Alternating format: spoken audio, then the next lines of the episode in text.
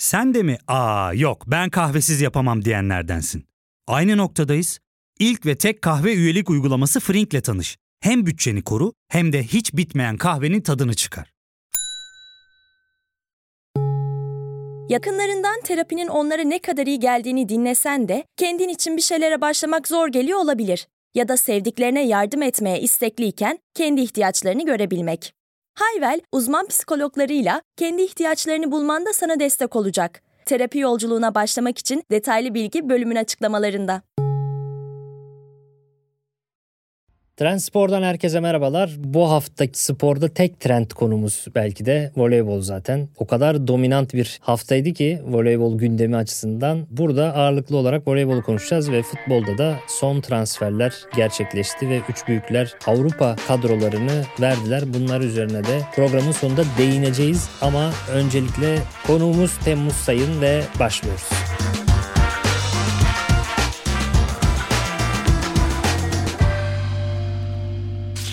Temmuz hoş geldin. Hoş bulduk. Voleybol sever Twitter hesabının da adminisin aynı zamanda. Oradan da kendisini takip edebilirsiniz. Temmuz sana şunu soracağım öncelikle. Şampiyon olduğumuz gece aynı anda Süper Lig'de işte Fenerbahçe'nin Ankara gücü maçı var. Ve Ankara gücü stadı da full. Bir yandan o maçı izlemeye çalışıyorum bir yandan şampiyonluğu izliyorum ve Ankara gücü taraftarı mağlup olmasına rağmen maçı bırakıp son dakikalarda Türkiye Türkiye diye büyük bir tezahürata girişti başka bir sporun, futbol dışarıdaki başka bir sporun Türkiye'de bu kadar öne geçebileceğini ve bu kadar trend olabileceğini düşünmüyordum açıkçası. Fakat bu konuda gerçekten son dönemde voleybolun müthiş bir yükselişi var. Ne düşünüyorsun bu konuyla ilgili?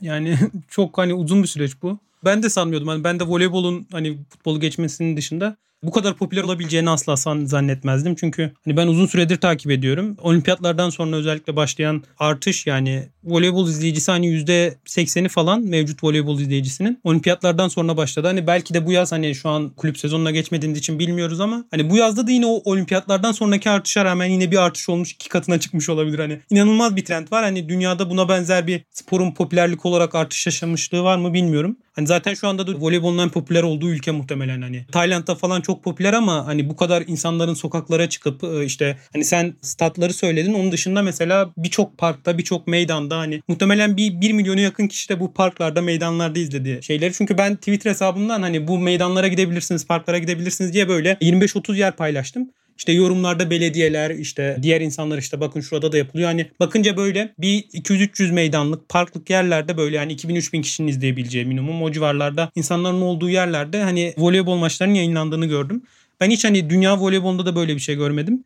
Hani diğer sporlarda zaten dediğin gibi basketbolda Türkiye'de hani popüler olduğu dönemler oldu ama hiç bu kadar olduğunu hatırlamıyorum ben de. Yani çok uzun bir süre. 2000'lerin başında hem basketboldaki Avrupa Şampiyonası başarısı hem de voleybolda o dönemde Neslihanlarla birlikte gelen bir başarı dönemi vardı. Orada da futbol dışında basketbol ve voleybola bir kayma olmuştu gerçekten. Ve sen çok daha yakın bir tarihi söyledin. Olimpiyatlardan sonra çok müthiş bir yükseliş var diyorsun. Bence şöyle bir durum olmuş olabilir. Son 20 yılda zaten Neslihanların dönemiyle birlikte bir kıvılcım çakılmıştı ve sanki orada bir kor duruyordu yani. Yanmayı beklenen bir alev vardı orada. Ve işte son Sokrates yayında da işte denk geliyor. İlkindi sanırım. Neslihan'ı görünce heyecanlanıyor falan yani. Bir, bir bağ vardı muhtemelen Türk halkıyla da ilgili. Hatta o dönemlerde en çok izlenen işte talk show, beyaz şova falan voleybolcuların çıktığını, programlar yaptığını falan hatırlıyorum. Bir ara yine böyle Türkiye'de gündem olmuşlardı. O yani olimpiyat biletini alan ilk takım spor olmuştu 2012 yılında. O dönem çok popüler olmuştu. Aslında bakınca bence hani voleybol 3 aşamada hani geldi buraya. Yani 2003 dedin. 2003'te o Avrupa ikinciliği.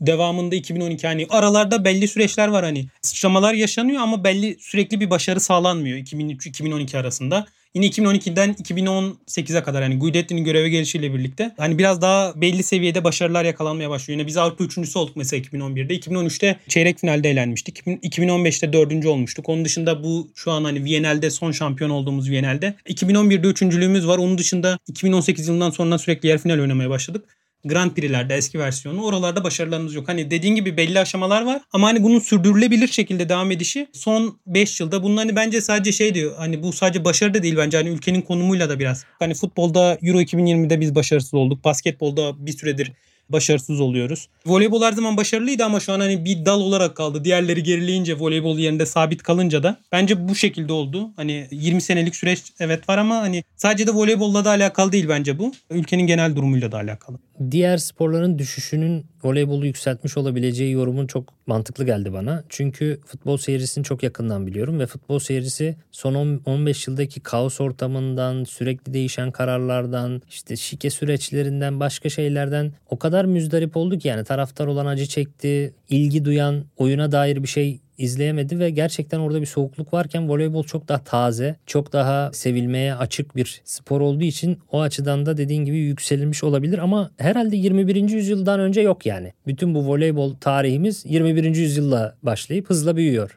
Yani var böyle yani bir şey var ama hani ilk büyük başarı 2003'te başlıyor. Yani onun öncesinde çok hani yatırımlar oluyor işte Eczacıbaşı. işte o dönem kurulan banka takımları falan var birkaç tane. İşte Sonrasında Vakıfbank'ın Güneş Sigorta ile birleşmesi falan derken ligin yükselişi falan 2008'de başlıyor. Yani biz 2008-2009'dan itibaren işte Gamova'nın Fenerbahçe'ye gelmesi bence o Türk kulüp voleybolunda hani dönüm noktalarından biri. Acıbadem sponsorlu Fenerbahçe'ye. Hani oradan sonra ligin de yükselmesiyle birlikte hani son 15 yılda kulüp voleybolu yükseliyor. Yani onun öncesinde de yatırımlar yapılıyor. Büyük voleybolcular geliyor. Son 15 yılda kulüp voleybolu yükseliyor. Son 5 yılda da hani son 20 yılda yükseliyor milli takım voleybolu işte. Neslihan'ın çok büyük bir yıldız olması, oraya voleybol sporunu izletmesi diğer insanlara. İşte 2012'deki olimpi ilk olimpiyat kotası alan milli takım olması. Kadın voleybol milli takımımızın. İşte son 5 yılda da düzenli başarılar derken bu istikrarlı bir başarılı şekilde hani voleybol ülkesine dönüştük. Böyle sürecin sonunda bir istikrar sağlanıp o istikrarla birlikte kitle de buna tutundu. Ayrıca ben mesela hani sen futbol söylemiştin hani şike falan dedin ama ben mesela Avrupa maçlarını izliyordum ben. Diğer ben çoğu spor branşını izlerim. Ben basketbolu çok severim mesela. Ama basketbol milli takımımız çok kötü yönetiliyor. Yani biz 2014 yılından beri hani büyük bir turnuvada hani iyi oynadığımız bir turnuva yok bence 2014 Dünya Şampiyonası. 2015 izledik, 2017 izledik. Hani hep böyle ön turlarda eğleniyoruz. Futbola baktığımızda hani büyük maçlarda ben Şampiyonlar Ligi maçlarını falan da ara ara bakıyordum. Hani sürekli yeniliyorsun. Hani sürekli yenildiğin için hani ben bir süre sonra hiç futbol izlememeye başladım. Basketbol milli takımını daha az takip etmeye başladım. Bir yandan bakıyorsun voleybol takımına sürekli Avrupa şampiyonu oluyor. Mesela Vakıfbank'ın 2011 yılından beri 6 kez Avrupa şampiyonluğu var. Şampiyonlar Ligi şampiyonluğu. Eczacıbaşı bir kez oldu. Fenerbahçe bir kez oldu. Dünya şampiyonalarında yine 5-6 şampiyonluğumuz var. Sanırım yine 6 şampiyonluğumuz var. Hani sürekli başarı geliyor. İşte bir yandan da hani insan başarıyı da izlemek istiyor. Sürekli başarısız olduğunda olmuyor. Hani dediğin gibi. Peki kulüpler demişken orada da kafamda merak ettiğim bir soru var. Şimdi Eczacıbaşı, Vakıfbank ve Fenerbahçe bunların üçü de işte İstanbul'un kulüpleri ve bunların salonları da bayağı dolmaya başladı. Yani hatta bilet bulamayan arkadaşlarım falan oluyordu benim artık bu sezon. Hani bunu futbola, basketbola baktığımız zaman hiç dolmayan statlar dolu yani futbolda. Fakat diğer şehirlerde Anadolu'da falan voleybola karşı bir ilgi artıyor mu? Ve bu üç büyük kulüp dışında yükselmesini beklediğin, yatırım yapmasını beklediğin kulüpler olacak mı? Mesela lig de canlanacak mı izleyen açısından? Bence bu sene ligin orta sıra takımları son yıllara oranla kalitesinde bir artış oldu. Transferlere baktığımızda hani ben rekabetçi bir lig bekliyorum e, şey olarak kalite olarak. Anadolu'da takım var mı sorusuna hani şöyle. Anadolu'da işte Voleybol Federasyonu erkek milli takımını genelde bu amaçla kullanıyor. Hani Konya'da maç yaptırıyor işte farklı şehirlerde Trabzon'da. işte Malatya'da falan Türkiye Kupası'nı oynatmıştı. Ya salonlar doluyor. Oraya voleybol takımları gidince salonlar doluyor. İşte Antalya'da Viyanel oynandı. Yine salon doldu. Hani Türkiye genelinde de bir artış var kesinlikle. Kulüp takımı olarak da işte Kuzeyboru yatırım yapıyor Aksaray takımı. Onun dışında Nilüfer yıllardır yatırım yapıyor Bursa'dan. Aydın Belediyesi var. Aydın Büyükşehir Belediyesi. İşte onun öncesinde yine Ege tarafından Seramik San vardı. Muğla'da oynuyordu sanırım. Onun, onun da salonlar hep doluydu. Hani voleybola ilgi çok yüksek değildi. O dönemler Meryem Boz oynuyordu Seramik San'da. Meryem Boz işte Mavi Şimşek lakaplı oyuncumuz. O zaman da hani ben maçlarını falan izlerken oralarda hani pek şey olmadığı için o hani futbol takımları o kadar ön planda olmayan yerler, diğer basketbol takımları yani başka spor takımları, başka spor kulüpleri olmayan yerlerde voleybola ilgi hep vardı. Salonlar doluyordu ama hani son dönemde bununla ilgili sadece İstanbul'da kalmadı. Bu Ankara'da kalmadı. Çünkü hani ligler şifresi kanalda yayınlanıyor voleybolda. Bütün maçlarda özellikle bu pandemiden sonra olmuştu. Pandemiden sonra Misticom YouTube'dan yayınlamaya başladı ücretsiz. Hani herkes maça açıp izleyebiliyor. Futbolda hani paralı yayınlar. Basketbolda maçların yarısı paralı basketbol liginde. Hani şu an ben baktığımda da hani voleybola ilgi şeyden de daha yüksek bence. Basketbol Süper Ligi'nden daha yüksek bilgi var voleybol Sultanlar Ligi'ne. Hani var kesinlikle ilgi var. İşte saydığım takımlarda devam ediyor. Alttan gelen takımlar da var. İşte zaten Ankara sürekli voleybola yatırım yapan bir şehir. 3-4 tane 2-3 tane kulübü oluyor yani ligde. Hem Efeler Ligi'nden Sultanlar Ligi'nde genelde. Böyle yani bunları söyleyebilirim. Var kesinlikle ilgi ve yatırım da yapılmaya devam ediliyor o küçük ülkelerde. Birkaç tane çıkan takımlar var. Biz voleybol ülkesiyiz söyleminin altı doluyor diyorsun yani. Ve çok hızlı bir şekilde doluyor yani. Yani çok hızlı değil aslında ama yani çünkü ben hani voleybol dediğim gibi uzun süredir 15 senedir hani ben yakından takip ediyorum. Onun öncesinde de hani bizim evde sürekli voleybol izlenirdi ama böyle hani oturayım ligi izleyeyim gibi bir şey olmuyordu. İşte o süreçte baktığımızda hani dünyanın en iyi oyuncuları geliyor mesela. Bunu yabancı oyuncular da söylüyordu. Mesela dünyanın en iyi oyuncuları boş salonlarda oynuyordu bu 2021 olimpiyatlarına kadar. İşte Boşkoviç mesela dünyanın en iyi oyuncusu olarak görülüyordu uzunca bir süre. Hani o 2016'dan beri burada 2021'e kadar hani boş salonda oynamıştır. Şu an hani Boşkoviç'te gideyim maçtan sonra imza alayım desen alamazsın. Hani şey yapamazsın. Hani yaklaşman biraz zor.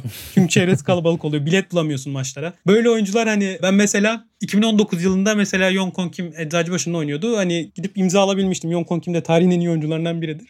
Natalya Zilio vardı. Onunla da mesela gidip imza alabilmiştin. Görüşüp fotoğraf çektirebilmiştin. Ama şu an bunu yapmandan çok mümkün değil. Hani öyle söyleyeyim o kadar kolay olmadı ama bu olimpiyatlarla birlikte yavaş yavaş dediğin gibi halk bazında hani zaten bence şu an hani halk bazında voleybol ülkesi olduk ama işte diğer alanlarda ne bileyim basında hani şu an yani birkaç tane voleybol sitesi var ama mesela Polonya'ya baktığımda ben Polonya'da mesela çok daha fazla kaynak var voleybolla ilgili ve bununla ilgili üretilen içerikler de daha kaliteli. Yani biz hani şu an o noktaya gelmedik ama zamanla geleceğiz çünkü ilgi çok büyük ve yavaş yavaş buraya da insanlar yöneliyor. O zaman yavaş yavaş şampiyonlara geçelim. Bilhassa bu Guidetti ve Santarelli değişikliği tabii çok konuşuldu. Bir de finalde de karşı karşıya geldik. Yani en büyük değişimi nerede görüyorsun? Yani Santarelli ve Guidetti değişimi ve beklenen şampiyonluğun Santarelli ile gelmiş olması. Yani bazıları şey diyordu işte Guidetti engel diyen de var. Tam tersine hayır bu takımı şampiyon takımı hazırlayan ve büyüten hoca Guidetti diyen de var. Neresinde duruyorsun? Yani Guidetti'nin ben milli takım kariyerini düşünürsek hani Guidetti 2017 yılında milli takımın başına geldi. Ve 2017 yılında işte Neslihanlar, Gözdeler 2018 yılında Neslihan bıraktı. Yani ilk senesinde Neslihan Gözde ile oynadı ve Avrupa Şampiyonası'nda bronz almıştı Guidetti. Ondan sonraki sene hani büyük oyuncular bırakıyorken işte o ara Nans doğum arası verdi. Neslihan bıraktı voleybolu, Gözde bıraktı. İşte Esra Gümüş vardı, Gülden Kayalar vardı hani İlberoğlarımız hani bir jenerasyon çok önemli bir jenerasyon bırakıyor. Yani biz bu jenerasyonumuz, bizim o jenerasyonumuz Vargas eklenene kadar hani biz şey olarak görüyorduk. Bu jenerasyondan daha güçlü bir jenerasyon olarak görüyorduk bu seneye kadar. Ama biz o jenerasyonla başarı yakalayamamıştık. O jenerasyon bıraktıktan sonra da bende de genel voleybol kitlesinde de hani voleybol artık hani milli takımlar düzeyinde birkaç sene sıkıntı yaşayacağız gibi geliyor gibi böyle yorumlar yapıyorduk. Hani voleybol ilgi de biraz düşmüştü. 2017 senesinde çok azalmıştı voleybol ilgi. 2016 olimpiyat elemelerinde bilet alınamamıştı. O zaman yanlış antrenör tercihleri falan oldu işte. Ferhat Akbaş çok tecrübesizken getirildi milli takıma. Onun öncesinde Barbolini yine Barbolini'nin geldiği sene çok iyi geçmedi o dönemler. 2012'den sonra biz olimpiyat biletini aldıktan sonra az önce bahsettim. 2012-2017 arasında biz hiç kullanamadık mevcut jenerasyonu. 2018'de Guidetti geldiğinde yeni bir takım kurdu. Hande, işte Ebrar. Hande zaten milli takımdaydı ama ön planda değildi. Hani genç oyuncu kadroya giriyordu sadece. Hande, Ebrar, Zehra, Cansu hani o zamanlar bu oyuncuların hepsi 20 20 yaşına yeni yeni giriyordu. Ebrar 18 yaşındaydı. Zehra 19 yaşındaydı. Hande 20 yaşındaydı. İşte Cansu 21-22 yaşındaydı. Bu oyuncularla bir takım kurdu Guidetti. 2020 olimpiyatlarına da hani bizim gitmemiz o kadar kolay değildi. Büyük bir başarıydı. 2020 yılına kadar işte bu Kore maçına kadar bizim o hani kimsenin unutmadığı İnşallah 2024'te Paris olimpiyatlarında onu telafi edeceğiz ama hani kimsenin unutmadığı maça kadar Guidetti'nin koçluğu bence gayet iyi gidiyordu ve hani yeni jenerasyonu da takıma adapte etmişti. Ondan sonrasında işte takımla o Kore maçından sonra başlayan süreç yavaş yavaş Guidetti'nin performansı düştü milli takımda. İşte oyuncular oyuncularla biraz arası hani o eski ilişkisini kaybetti. Eskiden Guidetti ile ilişkileri daha sağlamdı. Daha iyi bir ilişkileri, daha pozitif bir ilişkileri vardı. Guidetti 2021 yılından sonra 2022'nin sonuna kadar işte iyice ilişkiler açıldı. O süreçte hani biraz takıma engel olmuş olabilir ama hani ben Guidetti'nin sahip olduğu takımın hani böyle direkt şu anki kadar kesinlikle güçlü bir takım değildi. Çünkü Vargas dünyanın en iyi oyuncularından biri ve Vargas'a sahip değil. Mesela biz Vargas'ı finalde 41 sayı aldı bize. 3-2'lik biten maç. Sırbistan maçı. O maçta mesela Vargas olmasa mesela 41 sayılık bir katkısı olmayan oyuncu oyuncuyla mesela 2019 yılında bu yeni jenerasyonu adapte ederken Guidetti yine final oynatmıştı. Biz 9-6'da öne geçtik final setinde. Oradan kaybetmiştik maçı. Hani Guidetti biraz belki son dönemdeki koçluğuyla takımı hani biraz ket vurmuş olabilir ama onun öncesinde kesinlikle takımı yükselten iyi bir koçtu. Şu an devam etse de hani başarı kazanabilir mi? Hani, hani ondan emin değilim çünkü Santarelli biraz daha farklı değişiklikler yaptı ve Guidetti'nin sağ dışındaki olayları sağ içine yansıtması. Hani mesela Gizem'i kadroya almazdı muhtemelen yine. Ve hani Santarelli biraz daha esnek bir koç. Yeni jenerasyon koçlarda böyle bir şey var voleybolda. Eski koçlar böyle biraz daha yaşlı olan koçlar Guidetti, Langping işte Çin'in koçu. Mesela Çin'in koçunun şöyle bir şeyi vardı. Çok katıydı. Boy kısıtlaması vardı mesela. 1.80'in altında bir pasörsen milli takıma giremiyorsun. 1.90'ın altındaysan smaçör olarak takıma giremiyorsun. Böyle kısıtlamaları var. İşte Kaçkir Ali mesela takım uyumuna çok önem verir. Kimseyi ön plana çıkmasına izin vermez veya işte Zoran Terzic onun da yüksek bol oynatır. Hani e, yüksek top oynatır. Ama mesela Santarelli daha esnek bir koç. Guidet de esnek bir koç değildi bu kadar. O servis karşılamaya çok önem verir. Hani aynı başarıyı yakalayamayabilirdi çünkü hem birkaç ismi kadroya almayacak. Muhtemelen birkaç ismi de daha çok diretecekti. Çünkü daha inatçı bir koç. Daha sisteme bağlı bir koç kendi sistemine. Santarelli dediğim gibi biraz daha esnek bir koç. Hani kolay bir iş değildi Santarelli'nin yaptığı. Vargas'la devam edelim. Üzerine konuşulması gereken bir isim kesinlikle. Az bilen çok bilen herkes şöyle bir yorumda bulunuyor. Vargas gelmiş geçmiş en büyük voleybolcudur denilebilir mi veya olabilir ileride olur denilebilir mi? Az önce sen Gamova dedin mesela. Onunla nereye koyabiliriz? Boskovic ile nereye koyabiliriz? Ne düşünüyorsun bu konuda? Yani şimdi bu çok büyük bir soru ve hani Vargas da kariyerinin başında gibi. Vargas'ın omuz sakatlığı son iki senede ciddi şekilde atlattı bu omuz sakat. Yani ciddi şekilde iyileşmiş şekilde oynadı. Hani Vargas hala kariyerinin başında bir oyuncu. Hani tarihin en büyük oyuncusu olmak çok şey bir nokta. Farklı bir nokta ama şunu söyleyebilirim. Bence mevcut oyuncular işte Boşkoviç, Egonu, Vargas, Hak. Bu tarz oyuncular bence eski oyunculardan daha komple daha şey yani oyun olarak daha üstte isimler bence ama hani büyüklükleri hani çünkü antrenman teknikleri değiştiği için işte oyun sistemleri değişti. İşte şu an voleybol çok daha hızlı oynanıyor. Servisler çok daha güçlü atılıyor. Fizikler çok daha gelişmiş şekilde. Eskiden 1.80'in üzerindeki oyuncular bundan 15 sene önce uzun sayılıyorken e, şu an hani 1.90'ın altındaysan kısa sayılıyorsun neredeyse. O noktaya geldi voleybol. Hani Vargas şu an dünyanın en formda oyuncusu. Hani dünyanın en iyi oyuncusu biraz daha böyle performansını genele yayarsa o noktaya gelebilir. Dünyada 5-6 tane formda oyuncu var şu an. Dünyanın en iyi 5-6 oyuncusu var işte. Boşkovic, Gabi. İşte Gabi de 2021 sezonunda, 2021-2022 sezonunda çok formdaydı. Egonu, Vargas, Hak bunlardan biri Vargas ve şu an en formda olan isim. Çünkü hem Çin ligini kazandı hem Türkiye ligini kazandı. MVP seçildi buralarda hem Viyana'yı kazandı. 2023 yılında eğer bir oyuncuya yılın en iyi oyuncusu ödülü verilecekse hani futboldaki gibi Ballon d'Or ödülü verecekse bu kesinlikle hani Vargas gibi duruyor şu an. Yani böyle söyleyebilirim hani. Kariyerini böyle devam ettirirse olacak gibi gözüküyor diyelim ama. Şu an oynadığı bütün turnuvaları kazanıyor gibi. Bir tane turnuvada fire verdi sadece. Yani böyle olursa olur tabii. Ya şimdi Vargas'ın Ebrar'ı etkilemesi konusu da var. O beni biraz şey yapıyor. Çok ilgimi çeken bir konu. Çünkü Ebrar'ın karakterinin gücüyle ilgili etkileniyorum. Çünkü Ebrar ondan öncesinde işte pasör çaprazıyken Vargas sonrasında pozisyon değişiyor galiba değil mi? Yani smaçöre 4 numaraya doğru. Ve onu herhangi bir ego yapmadan ya işte bu takımın yıldızı bendim vesaire gibi bir şeye girmeden gayet iyi başardığını görebiliyoruz. Yani bir birleştirici unsur olması konusunda. O konular nasıl atlatıldı? Onu biraz bilmeyen bizler için anlatır mısın? Yani Ebrar zaten hani takımı önceleyen bir oyuncu. Bizim milli takımda hani takımın önüne koyan çok bir karakter yok kendini.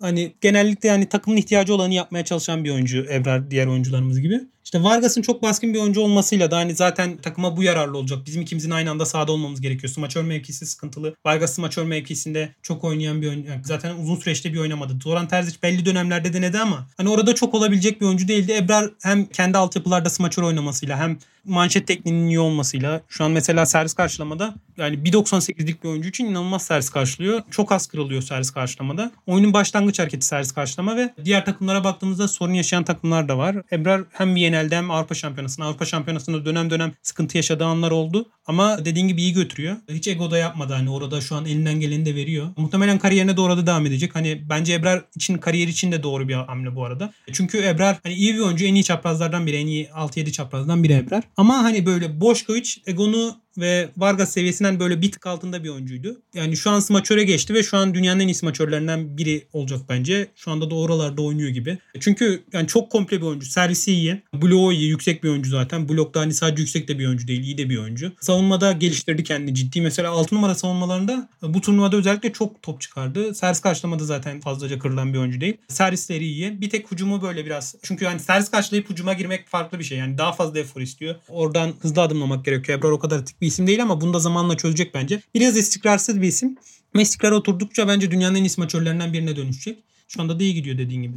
Şimdi geçmişini konuştuk Türkiye'de voleybolun. Bugünkü şampiyonları da konuştuk. Son olarak gelecekle kapatalım. Benim en merak ettiğim kısım o. Çok iyi bir jenerasyon yakaladık. Eda ve Simge dışında da bayağı genç bir kadro bu. Bu jenerasyon ne kadar daha sence kupalara damga vurabilir? Olimpiyatlar var. Bir de olimpiyatlarda Egon'un da olmayacağı söylendi İtalya'da. İtalyanlar bence Sırplara göre bizi biraz daha zorlamıştı mesela o açıdan. Ben öyle hissediyorum ya da.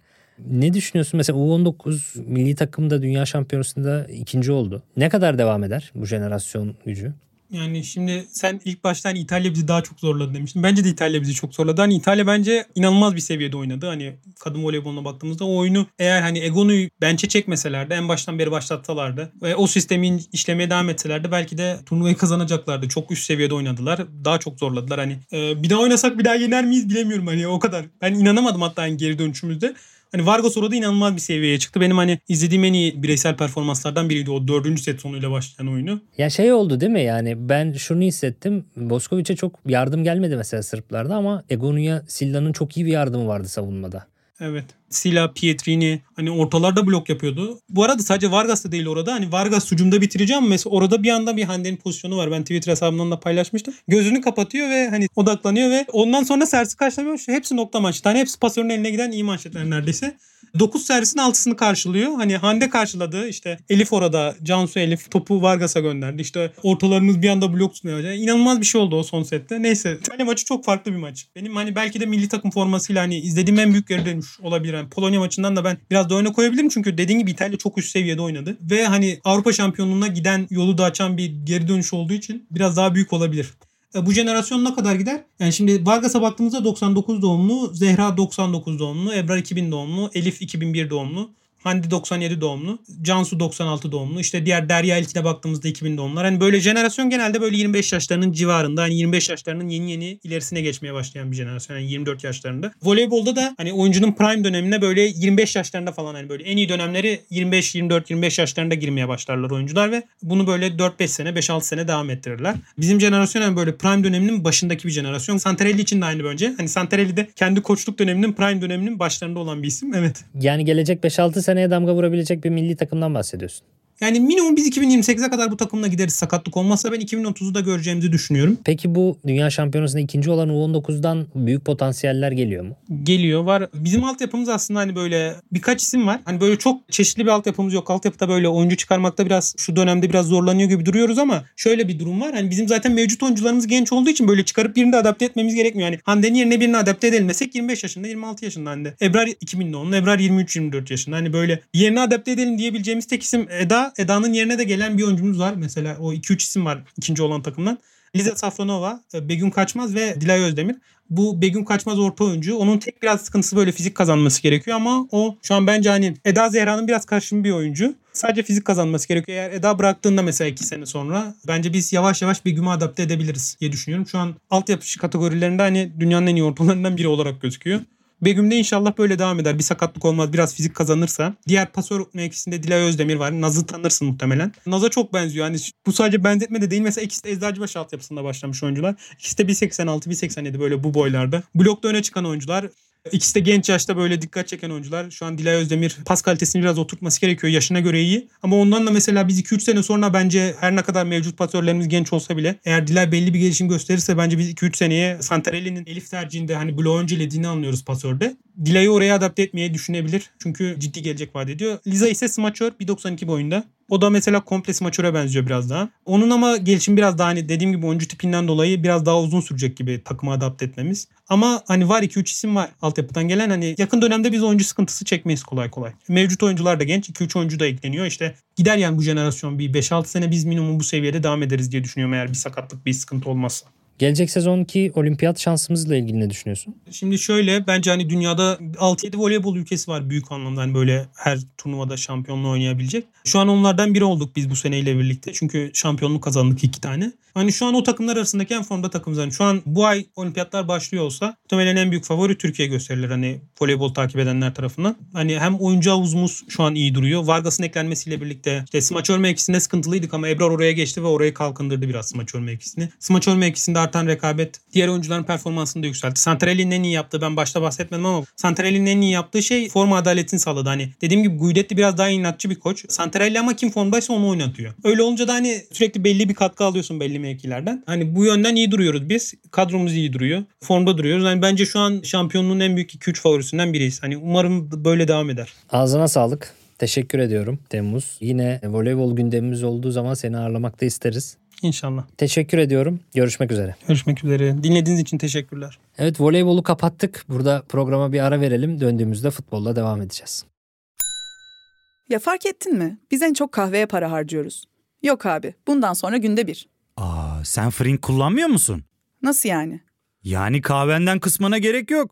Frink'e üye olursan aylık sadece 1200 TL'ye istediğin çeşit kahveyi istediğin kadar içebilirsin. Günlük 40 TL'ye sınırsız kahve mi yani? Çok iyiymiş. Aynen. Hatta şu anda 200 TL'lik bir indirim kodu da var. E hadi hemen indirip üye ol da bu fırsatı kaçırma. Terapiye başlamak, içinden çıkamadığın döngüleri kırmak, bazı yanlış bulduğun kararlarını değiştirmek ve kendinle beraber daha huzurlu bir yaşam inşa etmek için atabileceğin en değerli adımlardan biri. Hayvel ile yoğun yaşam tempona uyum sağlayarak online terapi seanslarını takvimine göre ayarlayabilirsin. Bini aşkın uzmandan sana en uygun terapisti seçebilir, PodB10 koduyla indirimden yararlanabilirsin. Detaylı bilgi açıklamalardaki bağlantıda. Programın ikinci bölümünde artık transferlerin sonuna geliyoruz Süper Lig'de. Bizim ligimiz maalesef transferin en uzun sürdüğü liglerden bir tanesi. Ama bir yandan da Avrupa'ya katılan 3 takımımız İstanbul'un 3 büyüğü Avrupa listelerini bildirmek zorundaydı. Yani aslında transferin %95'ini tamamlamak zorundaydı. Öyle de oldu. Listeler verildi. Bir Fenerbahçe'nin 6 numarası kaldı. Büyük bir transfer olabileceğini düşündüğümüz. Onun dışında da öyle çok büyük bir transfer beklentisi artık kalmadı. Bundan sonrası biraz daha Anadolu kulüplerinin yapacağı transferler veya işte üç büyüklerinde elden çıkaracağı oyuncuların gideceği veya potansiyel genç oyuncu transferleri onlar olur diye bekliyoruz. Şimdi Fenerbahçe ile başlayalım. Fenerbahçe Avrupa Ligi kadrosunu bildirirken biraz konferans liginin zayıflığından da cesaret alıp 6 numara transferini bekletti ve 6 numara için konferans ligi kapısı kapanmış oldu ama konferans liginde İsmail ve Crespo ikilisiyle de devam ederim diyor İsmail Hoca ve tercihleri orada tabii yabancı kuralından dolayı da fazla isim olduğu için Luan Perez'i yabancı da dışarı çıkarmak durumunda kaldı. Mevcut Fenerbahçe kadrosunda işte Luan Perez'in de Samet'in de birçok ismin kadroda olmamasıyla savunmada sadece Ciku, Beka ve Serdar Aziz stoperleri var. Ama Osterwolde'yi de yeri geldiği zaman sol stoper olarak kullanabileceğini gördük. Mert Müldür de yok sağ bekte. Osay Samuel ve Ferdi. 3 tane bek Osayi, Ferdi ve Osterwolde. 3 tane de stoper. Bekao, Ciku ve Serdar Aziz şeklinde Avrupa'daki savunma rotasyonu biraz dar olacak Fenerbahçe'nin. Onu bir şekilde ligdeki oyuncularla yapmayı düşünecek İsmail Hoca ama savunmada rotasyonu zaten daha az yaparsınız. Bence bu açıdan İsmail Hoca'nın verdiği karar tecrübesiyle birlikte bence doğru orantılı bir karar. Çünkü stoperde çok fazla rotasyon yapmasanız da olur. Stoperler daha az yorulur. Ama orta saha oyuncularının rotasyonu geniş tutmak, kanat oyuncularının rotasyonu geniş tutmak o yüzden daha mantıklı olabilir. Sadece burada Serdar Aziz gibi bir de çok sık sakatlanan bir stoperiniz olmasaydı daha rahat ederdiniz. O açıdan bir şey ama onun dışındaki eleştiriler yani Luan Perez olsaydı o zaman Crespo olmayacaktı. Zaten 6 numarayı yetiştiremiyorsunuz. Bir tek İsmail kalacaktı 6 numarada. Bence İsmail Crespo ile 6 numarayı yapmak daha mantıklıydı. Crespo'yu da göndermemek bence daha iyi oldu Fenerbahçe için. Çünkü hem 8 numara alternatifi olabiliyor skor korurken hem 6 numara alternatifi oluyor. İki pozisyon oynayabilen birinde skor korurken oynasa da 8 numarayı çalışkan bir oyuncu kalması bence daha sağlıklı oldu açıkçası. Fenerbahçe'de tabii kadrodan gönderileceği beklenen de birçok oyuncu var. Önümüzdeki 10 günde bu isimler çok ön plana çıkacak. İşte Samet Akaydın, Omar Fayet'in kiralanması bekleniyor. Nazım Sangare'nin gönderilmesi. Bence bu yeni 6 numara alınacak ve Crespo da satılmayacaksa Crespo İsmail yeni 6 numara zaten fazlasıyla olduğu için Bartu Elmaz'ın da bence kiralanması yeniden gündeme gelmeli, gelebilir diye düşünüyorum. Lincoln, Emre Demir gibi isimlerde Lincoln'un sözleşmesi dondurulacak gibi gözüküyor. Emre Demir, Emre Mor ve Burak Kapacak gibi isimlerin de şimdi Emre Mor listeye eklenmedi. Ligde olabilir. Hani onun kalmasını bekliyorum ama yani Cengiz ve İrfan Can'ın olduğu sağ kanatta 3. alternatif olması da Emre Mor'un kazanılması adına biraz zor. Emre Mor sürekli oynatıldığı zaman kazanılması daha kuvvetli bir oyuncu oluyor. Bunu Volkan Demirel'de böyle görmüştük Karagümrük'te. Hani 3. alternatifler konularında Emre Mor o kadar verimli olmayabiliyor. Oynamadıkça düşebilen bir oyuncu. Emre Demir'in, Burak Kapacak'ın bunların kiralanmasını bekliyorum. Emre Mor da herhalde takımda kalacak ama belki o da yeniden bir Volkan Demirel'le buluşsa, devamlı oynayacağı bir takımda olsa yani sanki onun içinde daha iyi olur mu diye de düşünüyorum. Bir taraftan da Kentin King'in de az oynayabilecek yabancılar olduğunu, kanatlarda böyle isimler olduğunu görüyoruz. Fenerbahçe 6 numara, güçlü bir 6 numara transferiyle bence savunmacılığıyla ön plana çıkan işte son olarak Paris Saint Germain'den Danilo ismi çıktı. Böyle bir transferi yapıp ondan sonrasında yoluna bakacak. Beka ve Ciku'nun ilk haftalar performansı, güçlü savunma performansı Fenerbahçe'yi sevindirmiş gibi gözüküyor ve sağlam altı numarayı, kesiciliği kuvvetli olan bir altı numarayı alırlarsa Fenerbahçe'nin iyi bir sezon geçirmek için yeterli bir kadrosu var bence. Bundan sonrası artık İsmail Hoca'ya kalıyor ama bu kadronun oluşumunda da İsmail Hoca'nın iyi işler yaptığını düşünüyorum. Özellikle Fred'in çok iyi bir transfer olduğunu düşünüyorum. Tadic'in kilit açıcılık konusunda önemli bir isim olduğunu düşünüyorum. Ceko'nun istikrar anlamında, profesyonellik anlamında, oyundan asla kopmamak anlamında. Ankara gücü maçında 3 tane gol kaçırıyor. Dördüncüde Bright Osay Samuel'e çok güzel bir pas çıkarabiliyor. Moralini bozmayan, oyundan düşmeyen yapısı sayesinde çok çok faydalı olacağını düşünüyorum. Ferdi gibi, Osay Samuel gibi fizik kapasiteleri yüksek oyuncuları var. O yüzden Fenerbahçe bence iyi bir kadroyla iyi bir sezona giriş yaptı. Bakalım devam edebilecekler mi göreceğiz. Galatasaray kısmına geçelim. Galatasaray'da transferin son gününde hareketlilikler yaşandı. Vecino'nun istenmemesinden sonra birden U dönüşü oldu ve Vecino iptali onun ardından da Endombele ismi geldi. Bence Temmuz ayında bu Fredler, işte Endombeleler vesaire onlar hala geçiyordu zaten. Fakat işte belki Sofyan Amrabat'ı alabiliriz diye düşünürken, belki Thomas Partey'i alabiliriz diye düşünürken, daha üst seviye oyuncuları düşünürken belki Temmuz'da almayalım neyse bekleyelim denen Fred gibi isimleri de göz ardı etmiş oldu Galatasaray. Risk aldı bu risk geçen sene Icardi'de ne kadar başarılı tuttuysa bu sene tutmadı. Ama tutmadığı oyuncu da gene de Endombele. Endombele de çok potansiyelli, kaliteli olduğunu bildiğimiz ama çok ciddi bir düşüşte yaşayan yani çok yukarıya çıkan, zirveye çok hızlı bir şekilde çıkan ve oradan da çalkantılı bir dönem yaşayan bir Endombele görüyoruz. Tekrar onun kafasını futbola verebilmesi ve geri kazanılması sağlanabilirse tabii ki çok özel bir oyuncu ama Temmuz ayında sadece 8 numaraya Endombele gelecek bir de Kerem Demirbay gelecek yeterli mi deseniz Galatasaraylılara ya daha büyük bir isim olsa olmaz mı denirdi diye düşünüyorum. Yani Temmuz ayında o hatırlıyorum anketler açılıyordu işte Fred, Endombele, Parti vesaire isimleri çıkıyordu. En düşük oyları genelde Endombele alıyordu yani hatırlıyorum. E şimdi böyle bir durum var ama Okan Hoca tabii ki Endombele'yi geri kazanır. O zaman hepsinden yüksek performansla sergileyebilir. Sonuçta Fransa döneminde bu ismi geçen isimlerin hepsinden daha formda bir Endombele de vardı. Ama oyuncuları geri kazanmak, eski performanslarını yakalatmak gerçekten kolay olmuyor. Endombele transferinden bence daha ilginci şuydu. Galatasaray tarihinin, kulüp tarihinin en pahalı savunmacı transferini yaptı. 9,5 milyon euro karşılığında Davinson Sanchez aldı. Davinson Sanchez Ajax'tan Tottenham'a gittiği zaman tabii ki çok yüksek bonservisli 40 küsür milyon eurolara yapılmış bir transferdi. Yaşı gençti ve Tottenham'a çok büyük bir beklentiyle gitmişti. Fakat Tottenham'da o beklentileri karşılayamamış olsa bile belli bir standardına sahip olduğundan herkes aşikardı. O sayede hala 9,5 milyon euro bonservis edebiliyor. Bir süredir oynayamamasına rağmen. Ve yaşı da 27-28 hala bir önünde 3-4 yıllık yüksek atletizmiyle fark yaratabileceği bir dönemi var. Olağanüstü bir atlet. Ve Galatasaray Abdülkerim Nelson gibi geçen sezon en az gol yiyen ikiliye sahip, savunma ikilisine sahip. Ve bu isimler çok formda. Bunların üzerine Davinson Sanchez gelirse ne olur diye bir durum var. Şimdi Davinson Sanchez'i gelir gelmez yedeğe çekmeniz beklenebilecek bir şeydi ama kulüp tarihinin en pahalı stoper savunma takviyesini yaptığınız zaman 9,5 bonservis maaş olarak da Nelson'dan da Abdülkerim'den de çok daha fazla. E, en pahalı oyuncunuzu yedek bekletip daha az para verdiğiniz Nelson Abdülkerim'le ne kadar gidebilirsiniz o biraz muamma. Orada yaşayacağınız dönüşüm oyun yapısını bozabilir mi? Şimdi şunu görüyordum ben hep. Okan Hoca sürekli Nelson'dan daha önde basmasını ve baskıyı daha sert yapmasını istiyordu. Fakat Nelson genelde bir derinlik alan, bir kontrol yapan stoperdi. O yüzden muhtemelen Nelson yerine daha böyle aşırı atlet, hava toplarında çok üstün, çok sert kesici Davinson'u düşünüyor olabilir Okan Hoca ama Davinson da Nelson'a göre konsantrasyonu daha düşük bir oyuncu, daha dalgın, daha bireysel hataları yatkın bir oyuncuydu.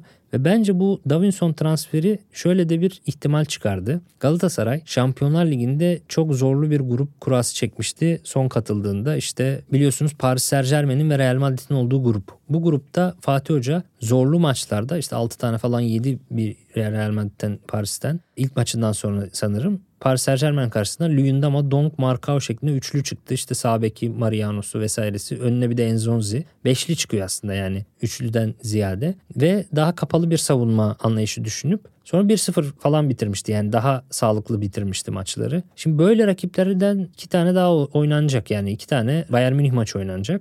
Bir tane de Manchester United deplasmanı oynanacak. Manchester United ne kadar formsuz da olabilir, işte çalkantılı da geçebilir ama Manchester United deplasmanı gerçekten beşli oynamak için bence uygun bir deplasman. Ben 3 maçın yani 2 Bayern Münih maçının bir de Manchester United deplasmanının 3 maçın Galatasaray'la 5'li oynanacağını düşünüyorum. Sasha Boy, Davinson Sanchez, Nelson, Abdülkerim ve Angelino şeklinde. Beşli savunma Angelino'yu da daha kurtaran bir durum. Abdülkerim'in onun kademesine girmesini daha kolaylaştıran bir durum. Tabi normalde 3-4-3 oynamaz mı bu takım diyenler de çok oluyor. Davinson, Nelson ve Abdülkerim üçlüsü Boy ve Angelino'nun kenar bek olduğu bir üçlü. Sasha Boy'un ben bu düzende üçlü savunmanın sağ stoperini gayet iyi oynayabileceğini düşünüyorum ama dörtlü orta sahanın yani 3-4-3'ün kenar beki olarak oyun kurmada, top kullanmada problemler yaşayabileceğini düşünüyorum. Angelino bu 3-4-3'e ne kadar uygun bir kenar beki ise Sasha Boy da hücum açısından o kadar sıkıntı yaşayabilecek bir oyuncu. Ama dediğim gibi iki Bayern Münih maçında bir Manchester United deplasmanında Sasha Boy'un hücum yaratıcılığını beklemiyorsunuz zaten. Sağlam savunmasını bekliyorsunuz. İyi beşlemesini bekliyorsunuz. Bu, bu maçlarda olur ama devamlı bunu oynar mı? Sürekli oynanan bir 3-4-3 ben beklemiyorum ama kritik maçlarda Davinson, Nelson, Abdülkerim stoperleriyle bir 3-4-3 ya da beşli diyelim. Beşli savunma beklentisi yaratabilir. Okan Hoca bunu oynatabilir diye düşündüm bu transferlerden sonra. Ve arada bir Emin Bayram da gitti. Emin Bayram'ın gitmesiyle Galatasaray'da Şampiyonlar Ligi'ne altyapı oyuncusu bildirecekti. Tabii şimdi Jankat'ı yazıyorlar. İşte Fenerbahçe'de Furkan Onur'u yazıyor 6 yaş kalecisi. Beşiktaş Demir Ege'yi yazıyor falan. Zaten 21 yaşının altındaki oyuncuları yazmanıza gerek yok. Zaten onları B listesinden koyabiliyorsunuz. 21 yaşından büyük altyapı oyuncusu olmadığı için bizlerde sadece Ersin Destanoğlu var. Beşiktaş'ta 22 yaşında. Bir tek o giriyor o kontenjana. Geri kalan 12 oyuncunun 11'ini kullanamıyoruz. 3 büyükte. Onları koyamadığımız için eksik kadro bildiriyoruz. Üç büyüklerin tamamı böyle bildiriyor. Emin'in de olmaması işte kadroyu zayıflatır mı gibi söylemler var. Şimdi hem Davinson var hem Nelson Abdülkerim var hem Kaan var. Dört tane stoperi var zaten Galatasaray'ın. O yüzden ben açıkçası Emin Bayram'ın beşinci bir stoper olarak yedekte durmasını ve senede 3-4 maç oynamasındansa devamlı oynayacağı, bütün bir sezon oynayabileceği bir kiralık anlaşmasının yapılmasını mantıklı buluyorum. Hem Emin için hem Galatasaray için hem bu genç oyuncuların yükselişi için. Galatasaray Ross'u da kiraladı, Metehan'ı da kiraladı, Emin'i de kiraladı. Geçen senenin başladığında Nelson Abdülkerim'in arkasında 3 stoper vardı. Ross, Emin ve Metehan. Bu 3 oyuncuyu da çeşitli takımlara kiraladılar. Bir de devrede Kaan gelmişti işte. Kaan duruyor. Bir de Davinson geldi. Yani belli bir kalite var zaten. Bu kalite varken, bu rotasyon genişliği varken senede 3 maç oynayacak diye altyapıdan oyuncuyu kadroda tutmak da o kadar bence sağlıklı değildi. Bence o açıdan kiralık göndermeler doğru oldu. Bu oyuncuların hepsi oynayabileceği takımlara kiralık gittiler. Fakat yeni transfer haberleriyle ilgili şunu duyuyorum. Mesela geçen sene de o yanlış yapıldı bence. Sabek alternatifi olmadığı için takımda işte Dibu'a da ayrılacak. Yabancı zaten işte Şampiyonlar Ligi listesine de bildirilmedi. Dibu'a, Mitsio ve Halil Dervişoğlu bildirilmedi. Geri kalanlar var. Şimdi bu bildirilmeyince Saşa Boy'un net bir alternatifi yok. Dibu'a yok. E oraya işte Ömer Ali mi alınacak, Bünyamin mi alınacak diye haberler çıkmaya başladı. Şimdi bu aynı Adekuk ve transferin aynısı geçen sene yapılan. Ben iddia ediyorum stoper olan Davinson Sanchez Bünyamin'den de Ömer Ali'den de zaten çok daha iyi sabek oynar. Yani atıyorum Saşa Boy cezalı duruma düştü. iki maç yok. Davinson sabek, Nelson Abdülkerim stoper yapabilirsiniz zaten. Ya bunu zaten geçen sene de yaşadık. Adekukbe biliyorsunuz alındı Hatay'dan. İşte sol bek alternatifi yok diye. Sağ bek olan Dibo'a sol bek oynadığında Adekukbe'den daha iyiydi. Yani kaliteli oyuncular, belli bir standarda olan oyuncular farklı pozisyonlarda da oynayabilir. Yerini doldurabilir. İşte Kaan Ayhan'ın kapalı savunma yapıldığı zaman sağ bek oynayabildiğini biliyoruz. Çok hücuma çıkamasa da. Onun bir atletizm problemi var ama o da oynayabiliyor sağ bekte. Başka pozisyonlarda da oynayabilirler. Daha böyle işlevli bir rotasyon, daha böyle zengin bir rotasyon bence daha sağlıklı. Şimdi Adekukbe'de gördüğümüzü 3-4 sene önce de Şener'de görmüştük. Biliyorsunuz işte eski Fenerbahçeli Şener'i Galatasaray 3. sabek olarak transfer etmişti. Mariano ve Lines'in arkasına Şener gelmişti. Oynamadı hiç. 3 maç oynayacak, 5 maç oynayacak diye 1 milyon euro da bir de para verildi. 3. sabek bir de başka pozisyonlarda da oynamıyor. Tek bir pozisyonu var. Standardı belli bir oyuncu oynatamıyorsunuz. Ertesi sene Mariano gitti Omar geldi. Şener yine üçüncü sabek. Yine oynamıyor. Devre arasında Omar'ın gözü rahatsız oldu. O gitti Yedlin transfer edildi. Yedlin Lines, Şener yine Şener üçüncü. Senelerce Galatasaray'ın üçüncü sabek oldu. Hiç oynamadan her sene 1 milyon euro alarak devam etti. O sene Galatasaray'ın sağ işte Omar, Yedlin, Lines ve Şener. Dört tane sağ var Galatasaray'ın. Dördünü toplasanız bir tane Rozier yetmiyor ve Rozier tek oyuncu olarak Beşiktaş'ta. Beşiktaş o sene Galatasaray'ın önünde şampiyon olmuştu. Net hatırlıyorum. Rozier'in yedeği yoktu Beşiktaş'ta. Rozier'in yedeği de Necip oluyordu. Stoper Wellington'un yedeği de Necip oluyordu. Joseph de Souza'nın 6 numara Joseph de Souza'nın yedeği de Necip oluyordu. Böyle olunca her maçta 30 dakika 40 dakika vesaire derken 35 maçta Necip oynatmış Sergen Hoca ve şampiyon oldu. Çok daha zengin yani çok daha zengin değil de çok daha kalabalık yani kalite olarak zengin değil nicelik olarak kalabalık Galatasaray karşısında çok daha dar bir rotasyonla sürekli işte belli oyuncuları dar bir rotasyona sokarak şampiyon olmuştu. Çünkü dar rotasyon yaptığınız zaman oyuncular da daha mutlu oluyor. Daha da ritimli oluyor. Daha da formda oluyor. Şimdi sürekli oynayan her maç 30 dakika 40 dakika giren Necip fizik olarak hazır oluyor. Ritimli oluyor ama 20 maçta bir 15 maçta bir bir maç oynattığınız Şener öyle olmuyor. Da aksine puan kaybına sebep olabiliyor. Bu yüzden ben yeniden bir Adekukbe transferine, yeniden bir Şener transferine gerek olduğunu düşünmüyorum. Davinson Sanchez bunlardan Ömer Ali'den de, Bünyamin'den de çok daha iyi sabek oynar. Ve Galatasaray'ın son günlerinde işte Eyüp Aydın gibi, Gökdeniz Gürpüz gibi gurbetçi genç potansiyelli oyuncuların transferi bekleniyor artık sadece. Bunlar da bence çok önemli. Çünkü Galatasaray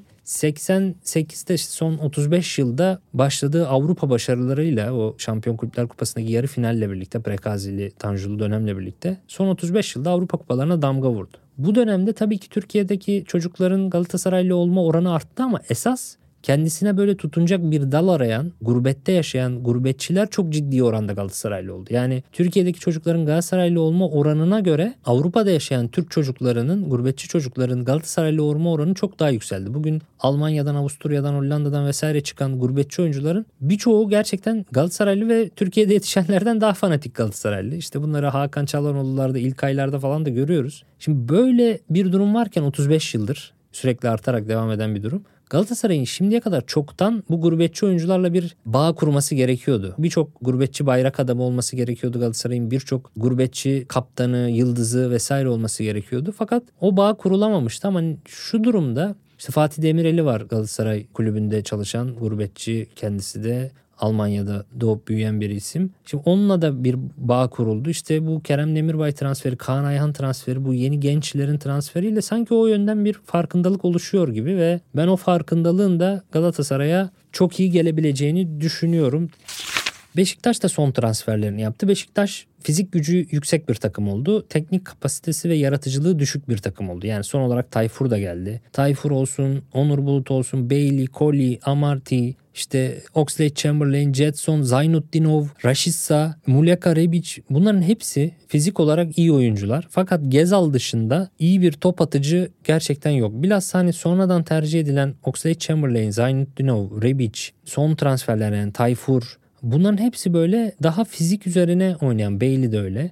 Bence çok koşan atlet güçlü bir Beşiktaş izleyeceğiz ama tıpkı Pendik maçında Pendik'i bitiremeyen, maçı koparamayan, yaratıcılıkta problemler yaşayabilecek bir Beşiktaş da izleyeceğiz. Ama ilk haftalarda işte Şenol Hoca biraz duran top becerisiyle, Kolye'nin duran top becerisiyle, biraz da ön alan baskısıyla Sivas attıkları ikinci golde öyleydi. Biraz o problemleri çözmenin set oyuna oturana kadar Gezal gelebilirse Gezal gelene kadar problemleri çözmenin yolunu buluyor. Ama bu takımın gerçekten Gezal'a ciddi bir bağımlılık duyacağını düşünüyorum. Eğer Gezal sağlam bir geri dönüş yapabilirse Beşiktaş için şampiyonluklar ve gelecek başarıları bence muhtemel. Ama Gezal sağlam bir geri dönüş yapamazsa Beşiktaş'ın çok iyi bir sezon geçirebileceğini ama en beklenmedik maçlarda, en kolay maçlarda kaybettiği puanlarla belki de sonucu alamayacağını öngörüyorum. Öyle bir tahminim var açıkçası. Şimdi Tayfur da geldiğine göre işte Zaytun Tilov da sol bek oynayabiliyor. Tayfur da Onur Bulut da oynayabildiğini gösterdi. Belki Umut Meraş'ı gönderecekler diye tahmin ediyorum. Tayyip'i Emrecan Bulut'u, Kartal'ı ve Emrecan'ı stoper Emrecan'ı listeye bildirmediler ama iyi bir şeyleri var onların da. Rotasyonları var. Yani konferans ligi için sıkıntı olmayacak bir rotasyon bildirilebildi. Açıkçası ben Beşiktaş'ın konferans ligi gibi biraz daha böyle dengeli geçen maçlarda iyi sonuçlar alacağını düşünüyorum bu tempolu ve fizikli takım kurdukları için. Ama daha küçük rakiplere karşı ligde sürpriz puan kayıpları yaşamalarını da bekliyorum. Hem Fenerbahçe'nin hem Beşiktaş'ın konferans liginde ilerlemek için gerçekten iyi bir kadroya sahip olduğunu düşünüyorum. Galatasaray'ın ise Şampiyonlar Ligi'nde ilerlemek için sadece kendisine değil tabii ki Manchester United'ın form durumuna, Kopenhag'ın form durumuna da bağlı olduğunu görebiliyoruz. Ve Okan Hoca'nın Endombele'yi de canlandırması, geri döndürmesi gerekiyor. Orta sahadaki Torreira'nın yanını tekrar kurgulaması gerekiyor. Biraz daha yapacak işleri var gibi gözüküyor. 3 takım da transferde artık %95'ini falan işlerin halletti. Aşağı yukarı tamamladılar. Yine üçünün de şampiyonluk yarışı verebileceğini düşünüyorum ben açıkçası. Geçtiğimiz sezon olduğu gibi sonuna kadar götürebileceklerdir. Çünkü ligin geri kalanına göre gerçekten biraz fazla makas açıldı o konuda. Ve belki işte küçük nüanslar, kendi aralarında oynadıkları derbiler falan da belirleyici olabilir. Geçen sene olduğu gibi. Güzel bir lig olmasını umut ediyorum. Transferi de bu bölümle birlikte kapatmış oluruz. Önümüzdeki hafta milli maçlar var, yeni gündemler, yeni trend konularla karşınızda olacağız. Dinlediğiniz için çok teşekkür ediyorum. Haftaya görüşmek üzere, hoşçakalın.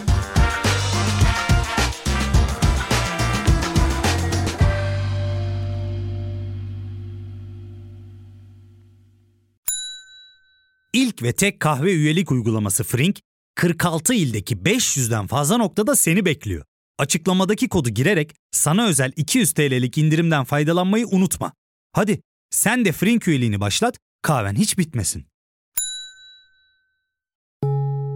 Hem bugününe hem yarınına katacaklarıyla terapi yolculuğuna ve daha iyi hissetmeye bugün Hayvel ile başla. Açıklamadaki linkten Hayvel'i indir, ücretsiz tanışma görüşmelerinin ardından bütçene uygun seans paketini seç ve terapi yolculuğuna başla.